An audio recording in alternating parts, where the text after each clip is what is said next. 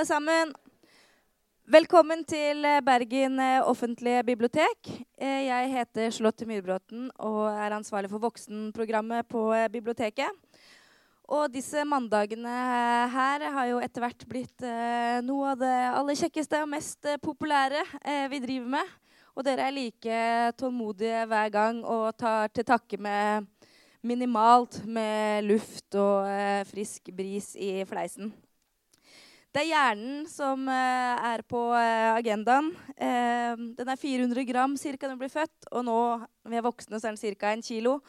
Og hvis du er veldig misfornøyd med din egen hjerne, så kan du heldigvis forandre på den i løpet av livet. Og det skal vi forhåpentligvis kanskje lære noen triks for hvordan vi kan gjøre det. Eh, vi er fortsatt veldig glad for at vi har med oss eh, overlege eh, Andreas Landsnes fra Sandviken. Vi holder på ca. en time i alt med spørsmål som vi tar helt til eh, slutt. Når jeg ser det er så mange her, så tenker jeg på at eh, på langfredag, som er den helligste dagen vi har, da var det 25 mennesker i Johanneskirken. Så jeg er veldig glad for at det er så stor interesse for dette her. Hjernen er jo et litt merkelig organ fordi eh, det er ikke så mange som er interessert i hjernen. Det er egentlig bare nevrologer, psykiatere og psykologer som er interessert i hjernen. Ellers er det ikke så mange som syns det er så spennende. Men nå har jeg tenkt å se på hvorledes hjernen utvikler seg i løpet av livet. Tidligere i år har vi hatt om hjernen var et overflødig organ eller ei. Da tror jeg vi blir enige om at hjernen var et nødvendig organ. Og så hadde jo hjernens utvikling i løpet av de siste tre millioner år. hadde vi forrige gang. Og nå er det hjernens utvikling i løpet av livet som skal prøve å si noe om her. Jeg har tenkt å snakke i 45 minutter, og så samler vi spørsmålene opp til slutt. Nå er det sånn at Hjernen består av en omtrent 100 milliarder nevroner.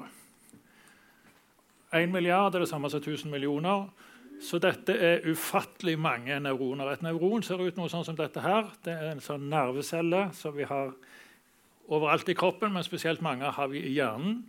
Og disse nervecellene har en lang utløper, og så har de mange forbindelser til andre nerveceller her. Sånn at det, hver av disse herne 100 milliarder nevroner i hjernen har tusenvis av forbindelser til andre nerveceller. Så dette er et ufattelig komplekst organ. Det er noe av det mest komplekse vi vet om. Og så er det noen som tenker at eh, hjernen vi er født med, hjernen ut fra genetikken og avgjør hvordan hjernen vår blir.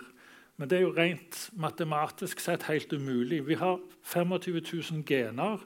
Ett gen eller kode for én type protein. Og de kan jo umulig bestemme over alle disse 100 milliarder nevroner i hjernen. Så dette med at alt er bestemt på forhånd, det er helt umulig ut fra dette her. En annen ting er jo òg hvor mange sånne nerveceller har vi i hjernen. Jeg sier 100 milliarder, men egentlig er det ingen som vet det. Man har sånn anslag som er alt fra 10 milliarder til 200 milliarder. Fordi det er veldig tungt å telle alle nervecellene i hjernen på et menneske.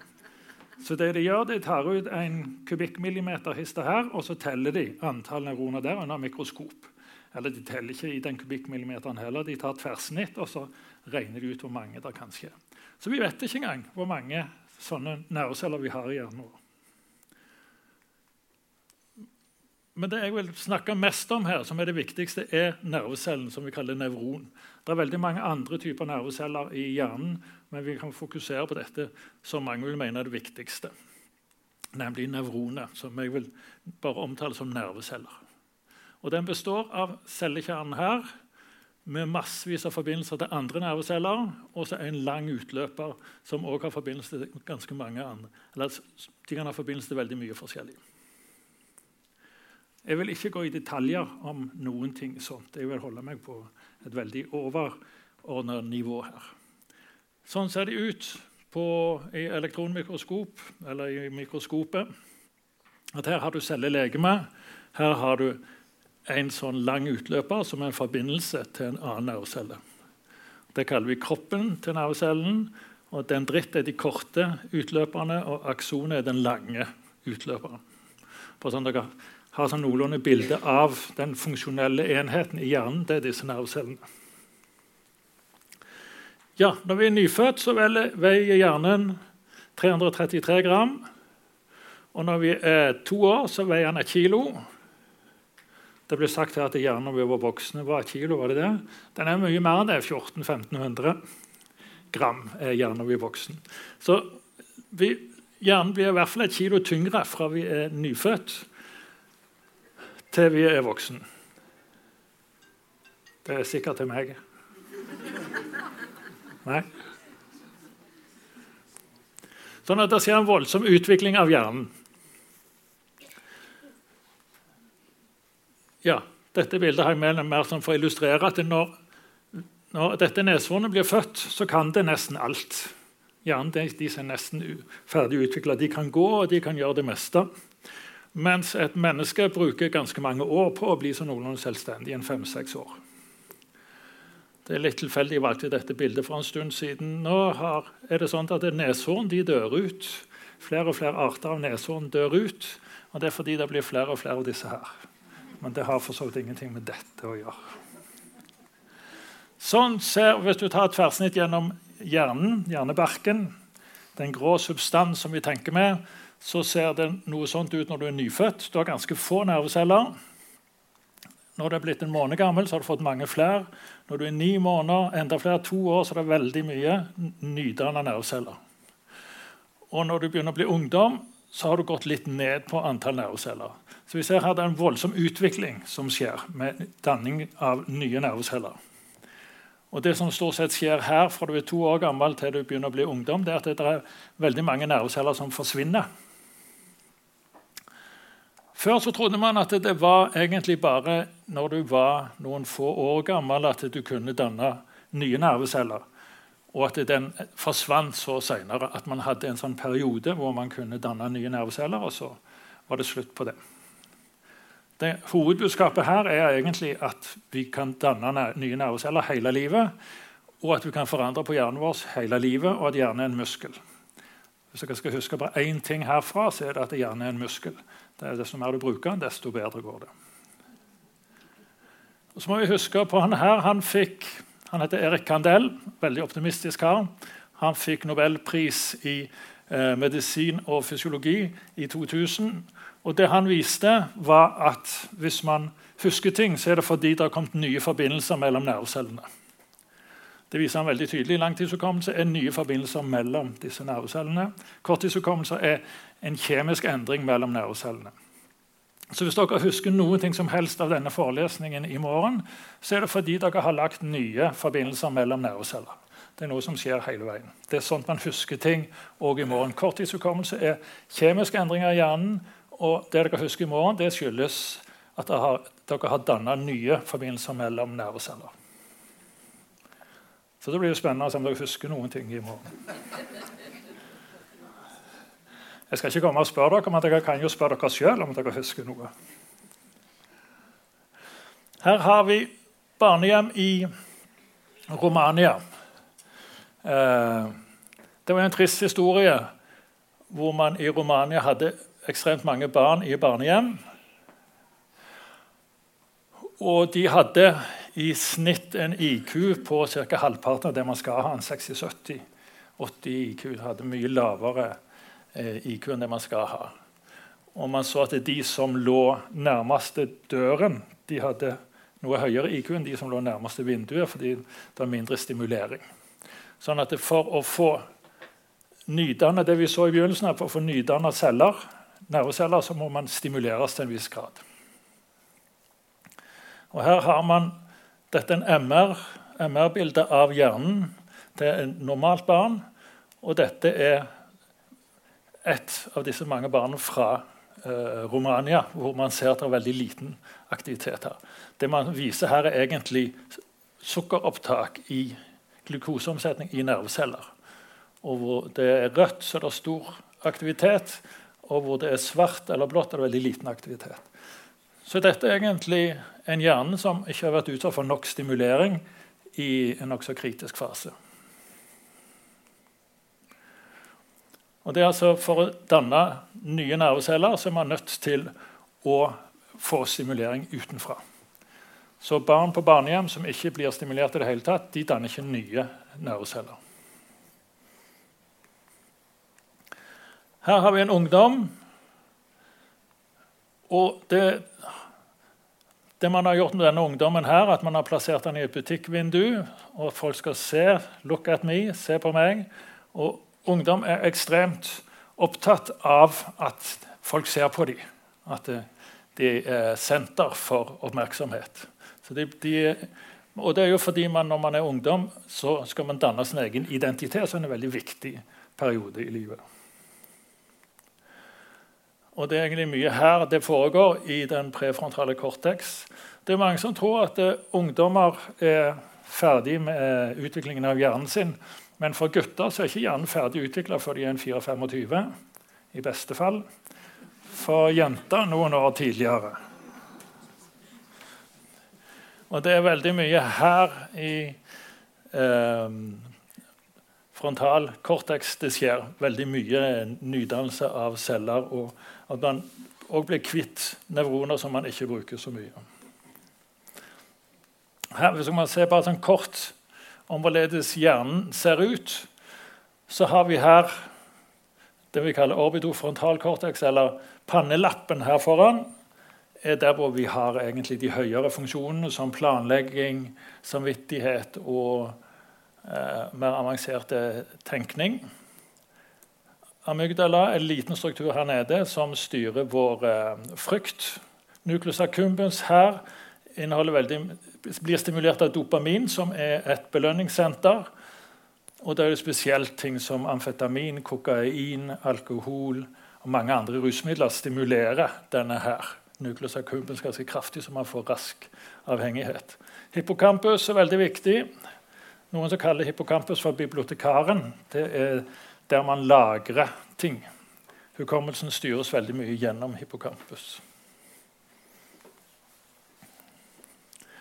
Ja, og så vil jeg si, snakke litt om drosjesjåførene i London. Hvis dere ikke har noe imot det. Fordi vi, vi kan lære ganske mye av drosjesjåførene i London. Fordi jeg sier at hjernen var en muskel, og Hvis hjernen er en muskel, så må vi kunne si at muskelen blir større hvis vi bruker muskelen mye. Og Drosjesjåførene i London de må lære seg alle navn på alle gatene i London.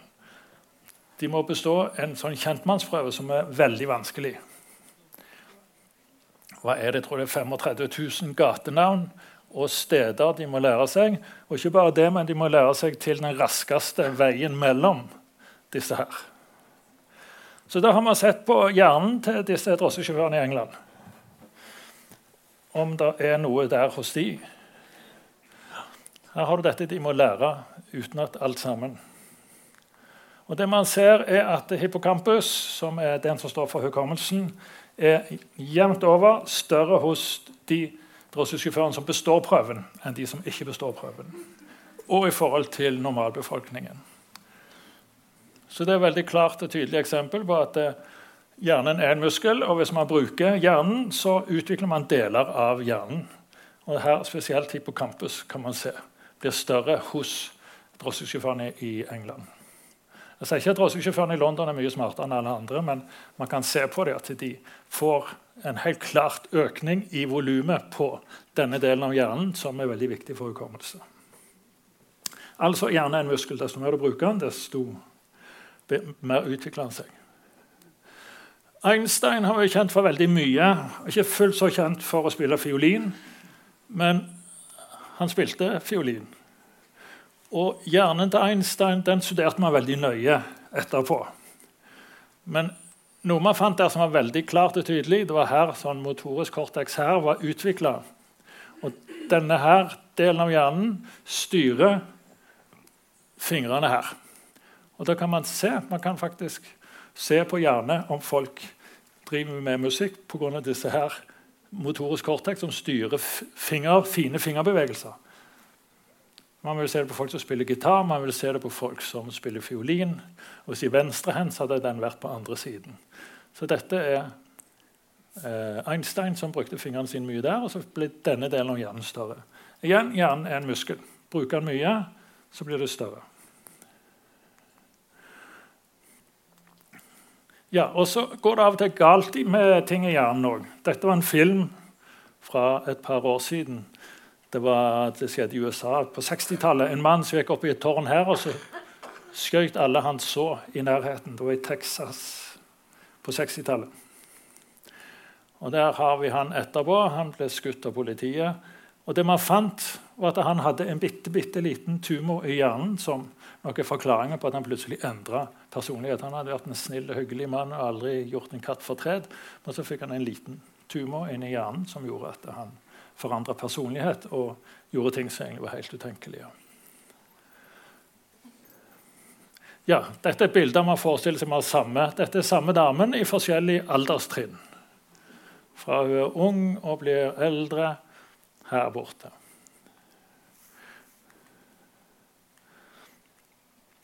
Ja, en av de mest berømte mennene i, eh, blant de som er interessert i hjernens funksjon, er en mann som heter Henry Molaison.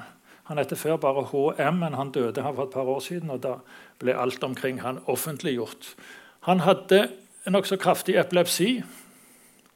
Og Da var nevrokirurgen han tenkte jeg skal fjerne de delene av hjernen han som gir han den epilepsien. Så han fjerna de to områdene som inneholdt hippocampus. Her tok den og den vekk. Det, her har du bruk for de, men her tok man det vekk. Så det som skjedde med Henry Moleisen, var at han han hadde ingen hukommelse. De som, det var mange som forska på han, og det var spesielt én en uh, psykolog som kom til henne nesten hver dag. og Han hilste på henne hver dag, som han aldri hadde sett henne før. Så han var et godt eksempel på at den, denne strukturen som heter hippocampus, er helt nødvendig for å legge ned nye minner. En ting som var interessant med han, var at hvis, oi, var at hvis han eh, fikk beskjed om å gjøre noe med hendene, tegne noe eller gjøre noe motorisk, så viste seg at han hadde en hukommelse for det. Han ble bedre til det for hver gang han gjorde det. Men han husket ikke navn, han husket ikke ansikt, han husket ikke disse folkene igjen seinere.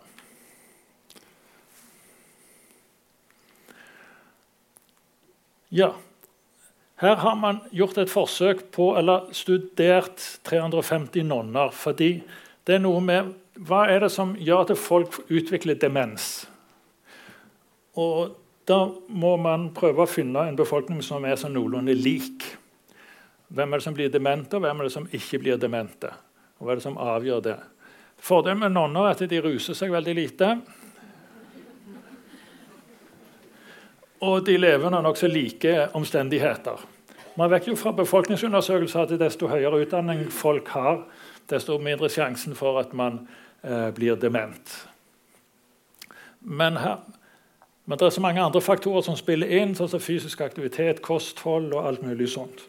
Så her har man et nokså lite studie på 350 nonner for å se hva det er som gjør at hvem som blir fortere dement enn andre av disse nonnene. Og det man fant der, var at fysisk og sosial aktivitet var noe av det aller viktigste. Det vet vi jo fra befolkningsundersøkelser med, med demens, at desto større lårmuskulatur du har, desto mindre sjanse er det for å bli dement. Men da er det kun muskler som teller. Fett teller ikke. Det må være muskler. Som et uttrykk for fysisk aktivitet.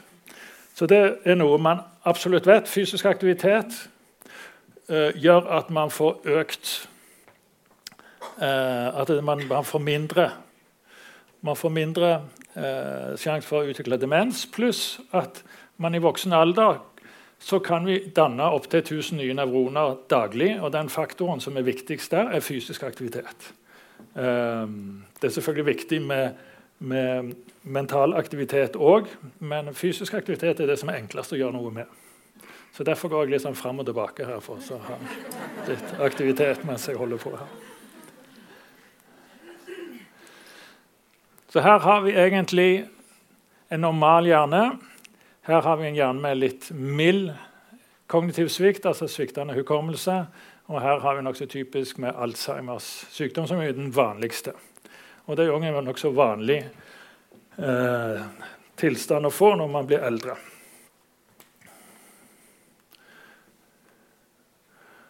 Og Jeg leste nettopp i avisen at i Norge er det sånn at det de som har Alzheimer og er innlagt på sykehjem, 70% av de får et eller annet psykofarmaka, enten angstdempende, antidepressiva eller antipsykotisk medisin. Så, og det er jo for å dempe aktiviteten ytterligere. Man burde gjort det motsatte. Aktivisert de, og sånt hadde vært en mye bedre idé enn å dope de ned med medisiner. Det er jo det motsatte av fysisk og sosial aktivitet. Og kanskje også det motsatte av mening. Men ok, det var òg litt ved siden av. Det vi snakker om, er at man, det er noe som heter nevroplastisitet. Det er egentlig det jeg vil legge hovedfokus på her. At man kan endre endringer i hjernen i løpet av livet. Hvorledes kan vi gjøre det? Det som kan skje, det er noe vi kaller kortikal reorganisering. Dvs. Si at hjernebarken kan brukes til noe annet. Det kommer vi tilbake igjen til.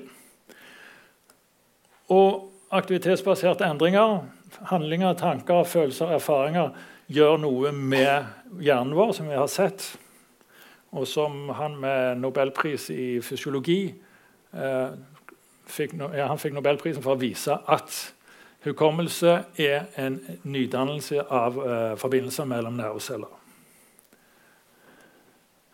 Og lokalisering, Man trodde veldig lenge at det var spesielle områder i hjernen hadde spesialiserte funksjoner som falt bort hvis dette området ble skada.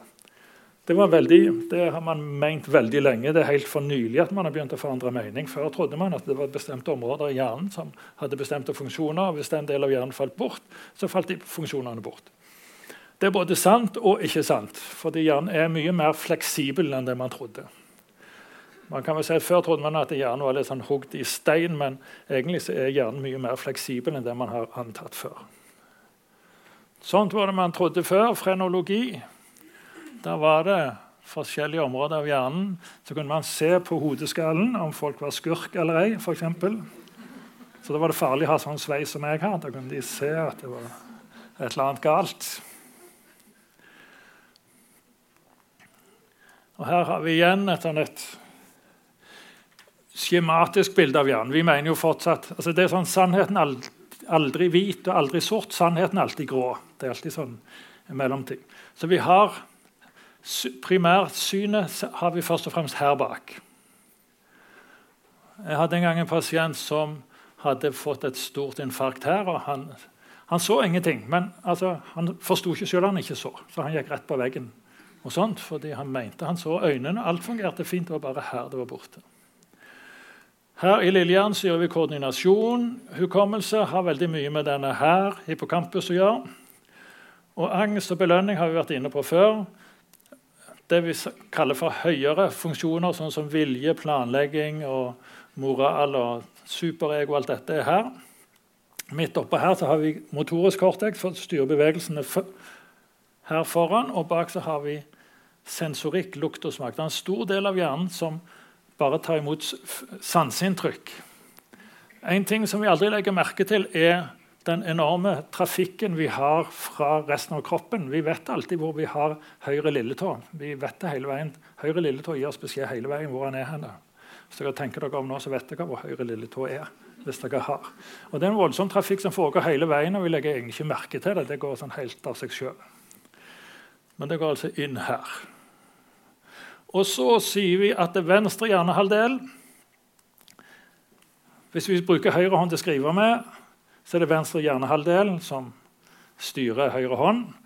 Og da har vi altså vår logikk og språk og vitenskap og matte har vi på venstre halvdel av hjernen. Og så på høyre hjernehalvdel så har vi dette mer diffuse tingene. Intuisjon, kreativitet, kunst, musikk og alle tingene der har vi på høyre hjernehalvdel. Men jeg sa hjernen var fleksibel, så hva skjer hvis man er født med en halv hjerne? Og Der har vi et godt eksempel. Hun heter Michelle Mack. Hun er amerikansk. Og Man vet ikke helt hva som skjedde her. Det er høyre hjernehalvdel som du ser her. Man skal forestille seg at de ligger med beina mot deg og så tar et snitt gjennom hjernen. Hva som har skjedd her, er litt uklart. Jeg regner med at du kanskje har hatt et, eh, en eh, blodpropp som har tatt vekk Det er ikke noe hjerneverv her, her i det hele tatt. Alt er på denne siden. Så hvorledes går det med henne? som er født med en halv hjerne. Går det an? Det går åpenbart an fordi hun lever, og det er derfor jeg forteller om henne. Da skal man jo tenke seg at det er hun at det er venstre hjernehalvdel som tar seg av logikk, språk, og vitenskap og matte. At det falt bort hos henne, at hun kun hadde høyre hjernehaldelsfunksjoner igjen. Men eh, her har vi henne. Det er litt uklart bilde, men dere ser hun spiller tennis. Hun kan nok ikke til å vinne Wimbledon, det kan hun ikke til å gjøre. Men hun bruker venstre hånd, der ser vi. Høyre hjernehalvdel har hun intakt, men hun bruker venstre hånd. Det er jo den som styrer Høyre hjernehalvdel styrer venstre hånd. Her har vi henne. Uh, hun er veldig flink i matte. Og hun jobber som regnskapsassistent i familien sitt firma. Og det man ser Hvis man ser henne, så man ser at den armen der beveger hun litt dårlig, og så den foten beveger hun litt dårlig. Men ellers så lever hun et normalt liv, og hun har bestått vanlig 9. klasse og videregående. Hun er litt spesiell det må man si, men hun fungerer med en halv hjerne. Det betyr jo egentlig at det er den høyre hjernehalvdelen som hun har igjen, som har overtatt alle funksjonene. I hvert fall nesten alle funksjonene. Med henne er det litt motsatt, fordi hun er veldig flink i matte. Og sånt, og hun forstår ikke vitser. Så det er disse tingene her med kreativitet og kunst og sånt det er hun ikke så god på, men hun er veldig flink på logikk og matte. Og språket er hun veldig flink på. Men hun klarer seg. Så det går an å leve et fullverdig liv med en halv hjerne.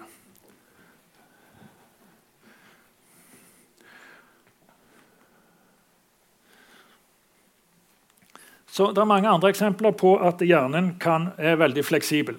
Med hun Michael Mack så var det jo når hun var, uh, hun var født med en halv hjerne, så da var det veldig tidlig denne fleksibiliteten kom inn. Men hvis vi tar eksempler som vi kan bruke her, det er behandling av hjerneskade, f.eks. Uh, eh, ved slag.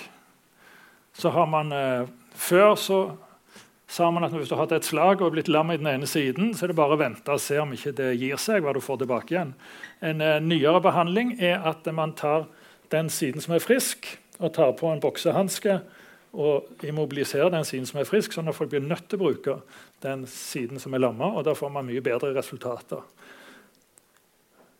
Ved skjeling så vet vi også at eh, hvis folk skjeler, så driver man på å eh, Man tar en sånn lapp på det ene øyet, sånn at man ikke skal bli blind på det ene øyet. Som at man veksler og skjeler på de forskjellige øynene. Hvis ikke du gjør det, så risikerer du å bli blind på det ene øyet. Cochlea-implantat som man har begynt med nå, gir folk hørselen tilbake igjen. Fantomsmerter det kommer vi også tilbake igjen til. Det vil si at når du får, for eksempel, får kutta av deg armen av en eller annen årsak, så kan du fortsatt ha vondt i fingrene. Det er veldig rart. Og Der er det en amerikansk eh, nevrolog som har foretatt verdens første amputasjon av en fantomarm.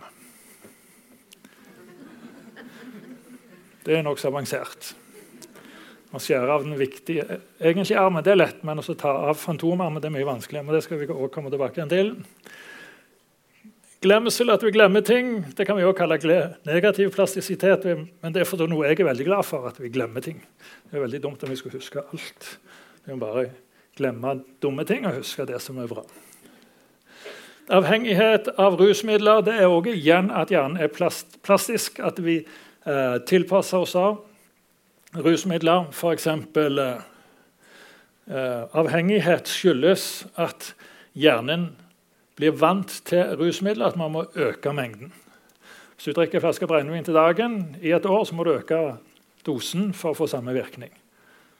Og Da er det bare spørsmål om tid før man får en avhengighet. Det samme gjelder mange andre eh, legemidler og rusmidler.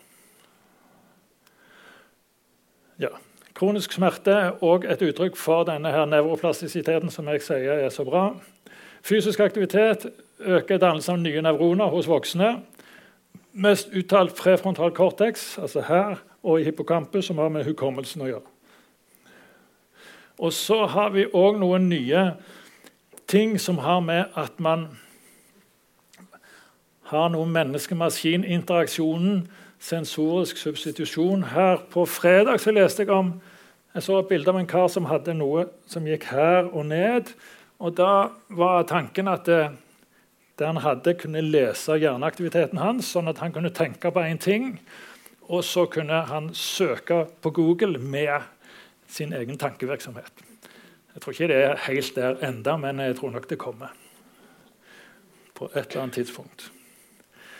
Ja, Vi har noe som heter Rasmussens hjernebetennelse.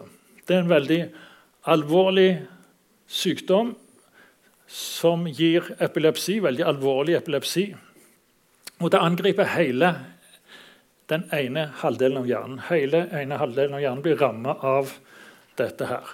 Og det begynner vanligvis når barn er tre-fire år, og de dør av det. De får så mye anfall hele tiden at de ikke klarer De, de lever ikke opp. De ender opp med å få epilepsi hele tiden, sånn at de verken kan spise eller noen ting, og de dør etter et år eller to.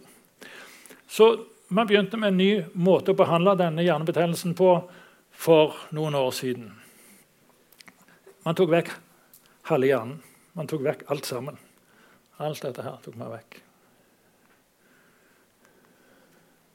Og Der ser det omtrent sånt ut. Helt tomt. Og Hvorledes går det med de barna som man gjør dette med? For det første så overlever de. Det er jo nokså fantastisk. Du kan operere vekk halve hjernen, så overlever de. Men de fleste får jo i hvert fall en delvis lammelse på den ene siden. Og så er det spørsmålet om det går utover språk og andre ting. Og da er det sånn at Desto tidligere du gjør det, desto bedre. Hvis du gjør det når de er ti år, så går det ikke så bra, men hvis du gjør det når de er fire-fem år, så går det mye bedre. Nå har man ikke holdt på med dette så lenge. Dette var en av de første i 2002. Man, materialet er ganske lite, men eh, mange av de man har gjort dette på, blir helt fri for epileptiske anfall. De blir litt, litt lam på den ene siden, men mange av dem klarer å fullføre vanlig skolegang og leve tilnærmet normale liv. Jeg så en reportasje, reportasje med et av de første barn som dette skjedde med. og Hun var blitt fullført skole, hadde blitt gift og fått barn. Det eneste hun la merke til, var at hun gikk litt rart. og Den ene armen var ikke full styring på, men ellers så hun helt normal ut. Og Det er fordi den andre hjernehalvdelen overtar funksjonen. Her har vi et eksempel på det som jeg snakket om før. At hvis man har hjerneslag, så har man før vært nokså passiv med gjenopptreningen etterpå. Man har tenkt det er ikke så farlig, det vil komme av seg sjøl, eller så kommer ikke det hele tatt. Nå har man jo endra veldig mye på praksis. For det første så er man veldig raskt ute med å prøve å operere, ta ut hvis det er en sånn eh, blodpropp. Men etterpå så har man begynt mange steder med dette her. Dette er den friske armen, og denne armen er den som er lam. Så tar man og gir de et eller annet, sånn at de ikke kan bruke den armen så mye. Det er jo det som skjer hvis man har eh, typisk hjerneblødning, at man blir lam på den ene siden. og Da vil man bruke den friske siden og spare, eller ikke bruke den andre. Men eh, mye av behandlingen går på at man hindrer at man bruker den friske armen, så man blir nødt til å bruke den andre.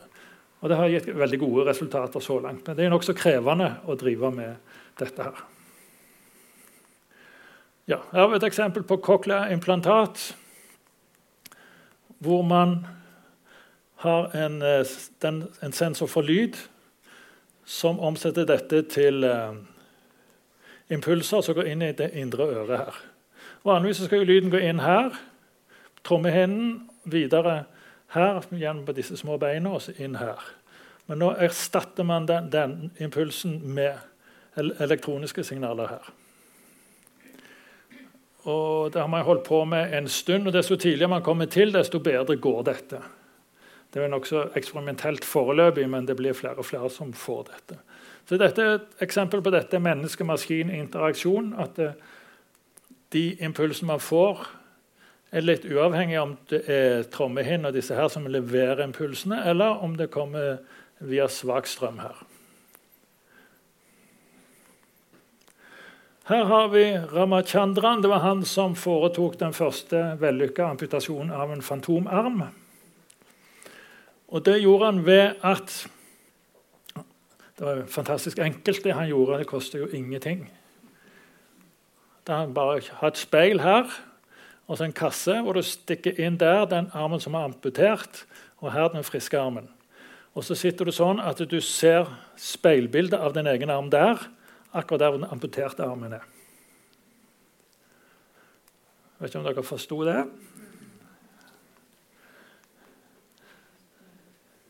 Her har han den amputerte armen. Den er inne bak der. Den ser vi ikke. Men nå sitter han med den ene armen her. Og nå forestiller han seg at han beveger på fingrene på den amputerte armen. Fordi Det som ofte skjer når man har amputert en arm og fått fantomsmerter, er at man har en fornemmelse av at armen er knytta i en knyttneve som gjør veldig vondt. Eller at man på en eller annen måte har veldig vondt i armen eller i fingrene. Så det han gjør, han karen her, er at han beveger på fingrene der og ser på den amputerte armen og forestiller seg at det er den amputerte armen han beveger på. Dette er jo selvfølgelig sånn triks og illusjon, men det virker. På de aller fleste for, så forsvinner smertene fordi de får en opplevelse at de kan kontrollere den armen som er borte. Det er sånn rent illusjonstriks, men det virker. Det er veldig mange som har hatt god nytte av denne her formen for uh, uh, illusjon. Man lurer rett og slett hjernen på en måte til å tro at du klarer å bevege fingrene. Her har vi det vi snakket om før. Vi har en del av hjernen eh, styrer eh, motorikken, altså som gir oss beskjed om du skal bevege på eh, kan vi ta armen. Her skal du bevege på armen. Og her har du en følelse av at her, hvordan armen din er. Så ved fantomsmerter så får du en følelse her av at det, du har veldig vondt i fingrene, eller at de er knytta til en knyttneve som gjør veldig vondt. Og så har du samtidig ingen kontroll med å bevege armen. Så det som man, man gjør med dette speileksperimentet, er at du får en illusjon av at du klarer å bevege armen. Det som òg skjer med folk som spesielt får amputert arm, eller ja, amputert uh, armen sin her, er at uh, da blir jo denne delen av hjernen ledig. Så hva skjer da? Da er det ofte sånn at det overtar andre deler av hjernen. Nei, andre, ja, andre deler av uh, Ja, det ledige området her. Hvis du kutter armen der, så blir alt dette ledig. Og Da er det ofte sånn at tilgrensende områder bruker den ledige plassen. Og Da får man sånn underlige fenomener som at folk Hvis du tar på de her, så føler de at du tar de på tommelen. Eller på, tar de her, så tar du de på langfingeren og sånt. Da vokser egentlig denne her sensoriske delen inn og bruker det området som ligger der. Merkelig, men uh, Her har vi òg noe som uh, man har hatt stor suksess med. Her har du et kamera. Denne mannen er blind, det er derfor han har solbriller på. Og Synsinntrykkene blir omdannet til impulser på denne her, sånn at man kan Du får ikke se ansiktet på folk, og sånn, men du kan bevege deg i et rom uten å gå på veggene. Du kan finne dørene og sånt. Så det, sånn, det gir deg et grovt bilde. Men dette tar du inn på tungen, og så gir det deg impulser den veien. Er dere med på det òg? Kameraet her øh, omsetter egentlig veggene. Ikke, hvis jeg hadde hatt den på meg her, så hadde jeg sett det var tre dører. Fire dører, beklager. Fire dører der, så kunne jeg gått ut der. Men jeg hadde ikke sett noe særlig av dere. Uh, så det er et veldig grovt bilde det gir. Men i hvert fall den tar han på tungen. Og så, når folk har brukt dette en stund, så kan de gå rundt og orientere seg i et rom uten å gå på veggene, og de finner dørene. Og Det er veldig rart, jo, der får de impulser på tungen. Impulser på tunge, det er jo smak, det. Men så begynner de plutselig å bruke tungen til noe helt annet. De begynner å se med tungen. Det er ganske fantastisk. Men det er fordi der må man være innstilt på at disse impulsene er synsimpulser. Sånn at man på en måte selv styrer disse her impulsene til den delen av hjernen man bruker til å se med. For man vil jo sagt, egentlig sagt Når du får impulser på tungen, så gir det smak.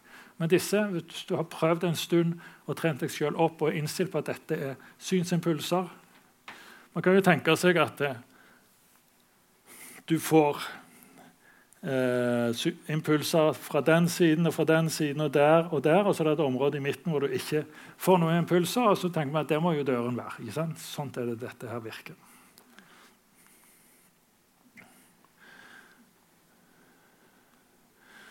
Ja, Det er en sånn skjematisk framstilling av det. Her har du kamera som ser på dette. Og her får du den som stimulerer, danne en A. ikke sant? Så forstår du bokstaven A. Grovt sagt. Og det går inn her. Å lese 'Finne veien til synskorteks' det er noe med som du må trene deg opp til sjøl. Og si at det, dette er synsinntrykk, dette er ikke smaksinntrykk, noe sånt, men dette er synsinntrykk. Så vi forstår egentlig veldig lite av hvordan hjernen fungerer. Hvorledes dette fungerer, hvorledes disse her stimuli på tungen finner veien bak her i synskorteks. Det er jo litt mystisk, men sånt. Det virker. Man har prøvd det mange steder, og det fungerer. Og her er det òg en som har lagd en jakke som hører. Det høres òg merkelig ut, men her er det impulsene kommer på ryggen. Sånn at når du sier 'hallo', så blir det omsatt til eh, stimuli på ryggen. Ryggen er veldig stor, så der er det plass til enda mer kanskje enn på tungen. Men så er ikke ryggen så følsom. Tungen er veldig følsom.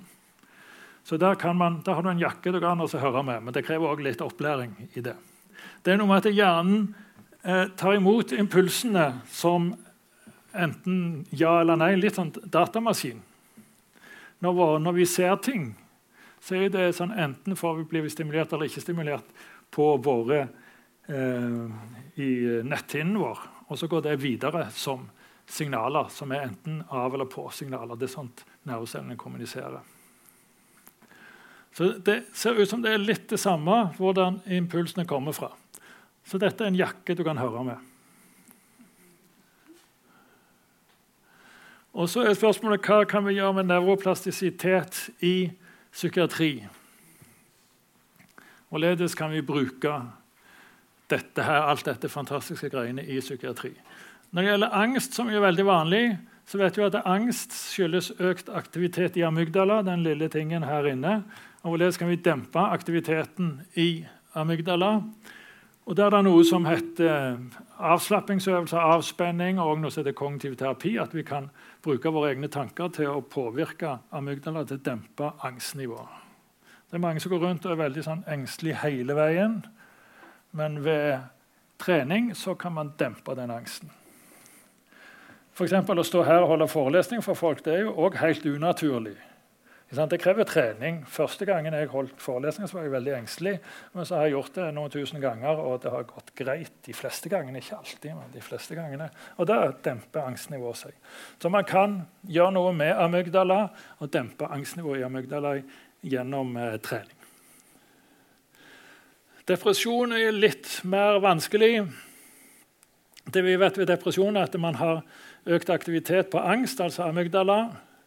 Vi vet også at Hippocampus fungerer ganske dårlig ved depresjon. Hvis man er deprimert, så husker man dårlig og lærer dårlig. Og Depresjon hos eldre blir ofte forveksla med demens fordi man er lite konsentrert og husker dårlig, får ikke med seg det som skjer, og er desorientert.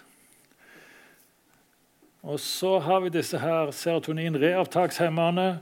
Så lurer jo folk på eh, er depresjon fordi man mangler serotonin en sånn serotoninmangelsykdom. Det er det jo ingenting som tyder på, men disse medikamentene hjelper jo. Og Man har også sett at hvis man gir folk uh, mange typer antidepressiva, så stimulerer det til nydannelse av nerveceller. Det har man også sett med ECT, elektrosjokkbehandling. Det høres jo forferdelig ut eh, å bruke strøm på hjernen. Og I København for noen år siden så ville de undersøke hvor skadelig det var med ECT-behandling. Og da vil de de, da vil de se hvor mye celler som døde. Det kan måle celledød ved å ta eh, prøver fra spinalvæsken. Og De var egentlig ganske overbevist om at ECT-behandling ga celledød. så Derfor ville de se hvor mye det var. Men det viste seg at det var motsatt. Det ble mindre celledød under ECT-behandling. Sånn at det ser ut som om ECT på en eller annen måte også stimulerer til nydannelse av nerveceller. Noe man også ser ved ECT-behandling, er at folk får nedsatt hukommelse under ECT-behandlingen. Og sannsynligvis noen får det òg en viss tid etterpå. Og Hvis man får nydanna mange celler, så kan det lett gå utover hukommelsen. Ja, her har vi amygdala som er frykten. Og her har vi pannelappen, vår sunne fornuft. Går det an å bruke vår pannelapp til å dempe aktiviteten i amygdala? Det er på mange måter grunnlaget for det vi kaller for kognitiv terapi. At det går an å eh, ikke tro på alle følelsene man har, men å bruke fornuften. Å prøve å la fornuften overstyre følelsene. Det er ikke så lett, men eh, det er mye det kognitiv terapi prøver for. Her har vi sånn typisk, Du ser noe du blir redd for. Det går inn her, synskortex til amygdala, og så kan du bli redd for det. Eller du kan bruke pannelappen din her til å dempe angstnivået i amygdala. Hvis du er veldig redd fra før, så er det veldig lett å bli skremt. Men hvis du er veldig avslappa fra før, så er, fullt, du ikke fullt så lettskremt. for å si det sånn.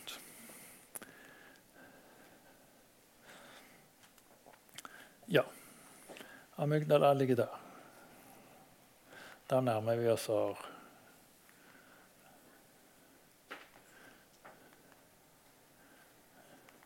Ja, skal vi se, Går det an å kan hjernen forandre seg òg hos folk som eh, har brukt mye rusmidler? Her har vi en som har brukt met, metamfetamin.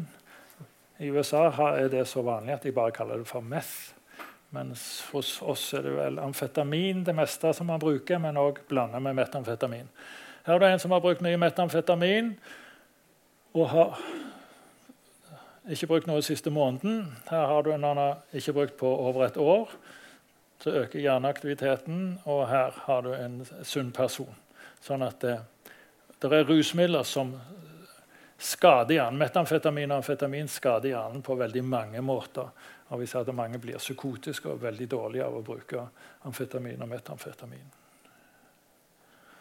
Ja, da har vi vært igjennom. Nevroplastisitet, at hjernen kan endre seg i løpet av livet.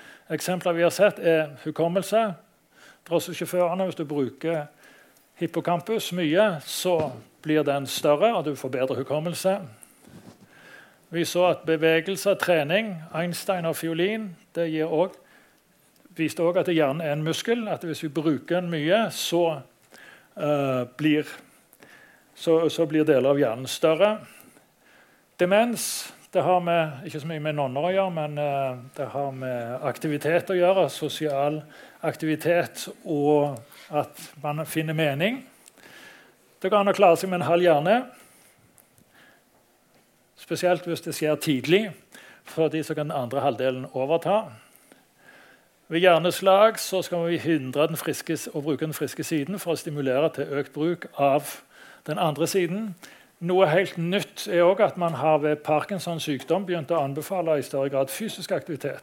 At mye fysisk aktivitet kan faktisk eh, gjøre Parkinsons sykdom mye bedre.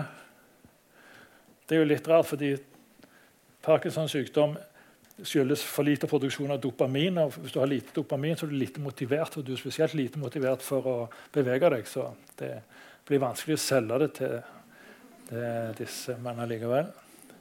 Hørsel har vi sett, cochlea-implantat, fantomsmerter. Det har vi sett hvordan du amputerer fantomsmerter. Syn, kamera, tunge. Du kan se med tungen. Angst kan påvirkes både med tanker og medikamenter. Det samme med depresjon. Ja, og Dette har vi sagt før. Nevroplastisitet, kortikal reorganisering. Det er det vi så når du eh, amputerer armen. Så blir deler av hjernebarken ledig. Og Da kan man enten få kroniske smerter der, eller andre deler av kroppen kan overta det området, sånn at du får tommelfingeren i ansiktet, f.eks. Det er sånne rare nevrologiske tilstander som man ser. Ja, aktivitet Ja, dette er en bok som eh, beskriver veldig mye om Det er der jeg har den, den halve hjernen fra. og litt sånn forskjellige andre ting.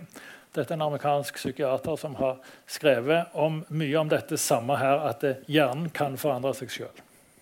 Jeg vet ikke om det å låne denne på biblioteket, men det burde jeg ha undersøkt og drevet reklame for biblioteket, men det har jeg glemt, dessverre.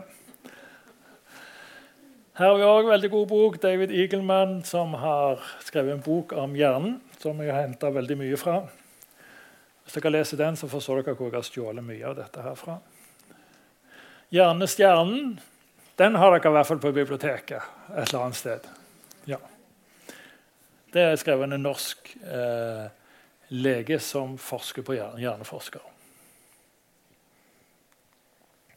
Neste gang så blir mandag 14. mai, så skal vi snakke om hjernens utvikling og om vi kan stole på våre sanser. Hvis vi ser her på elektromagnetiske eh, stråler, så oppfatter vi bare dette her.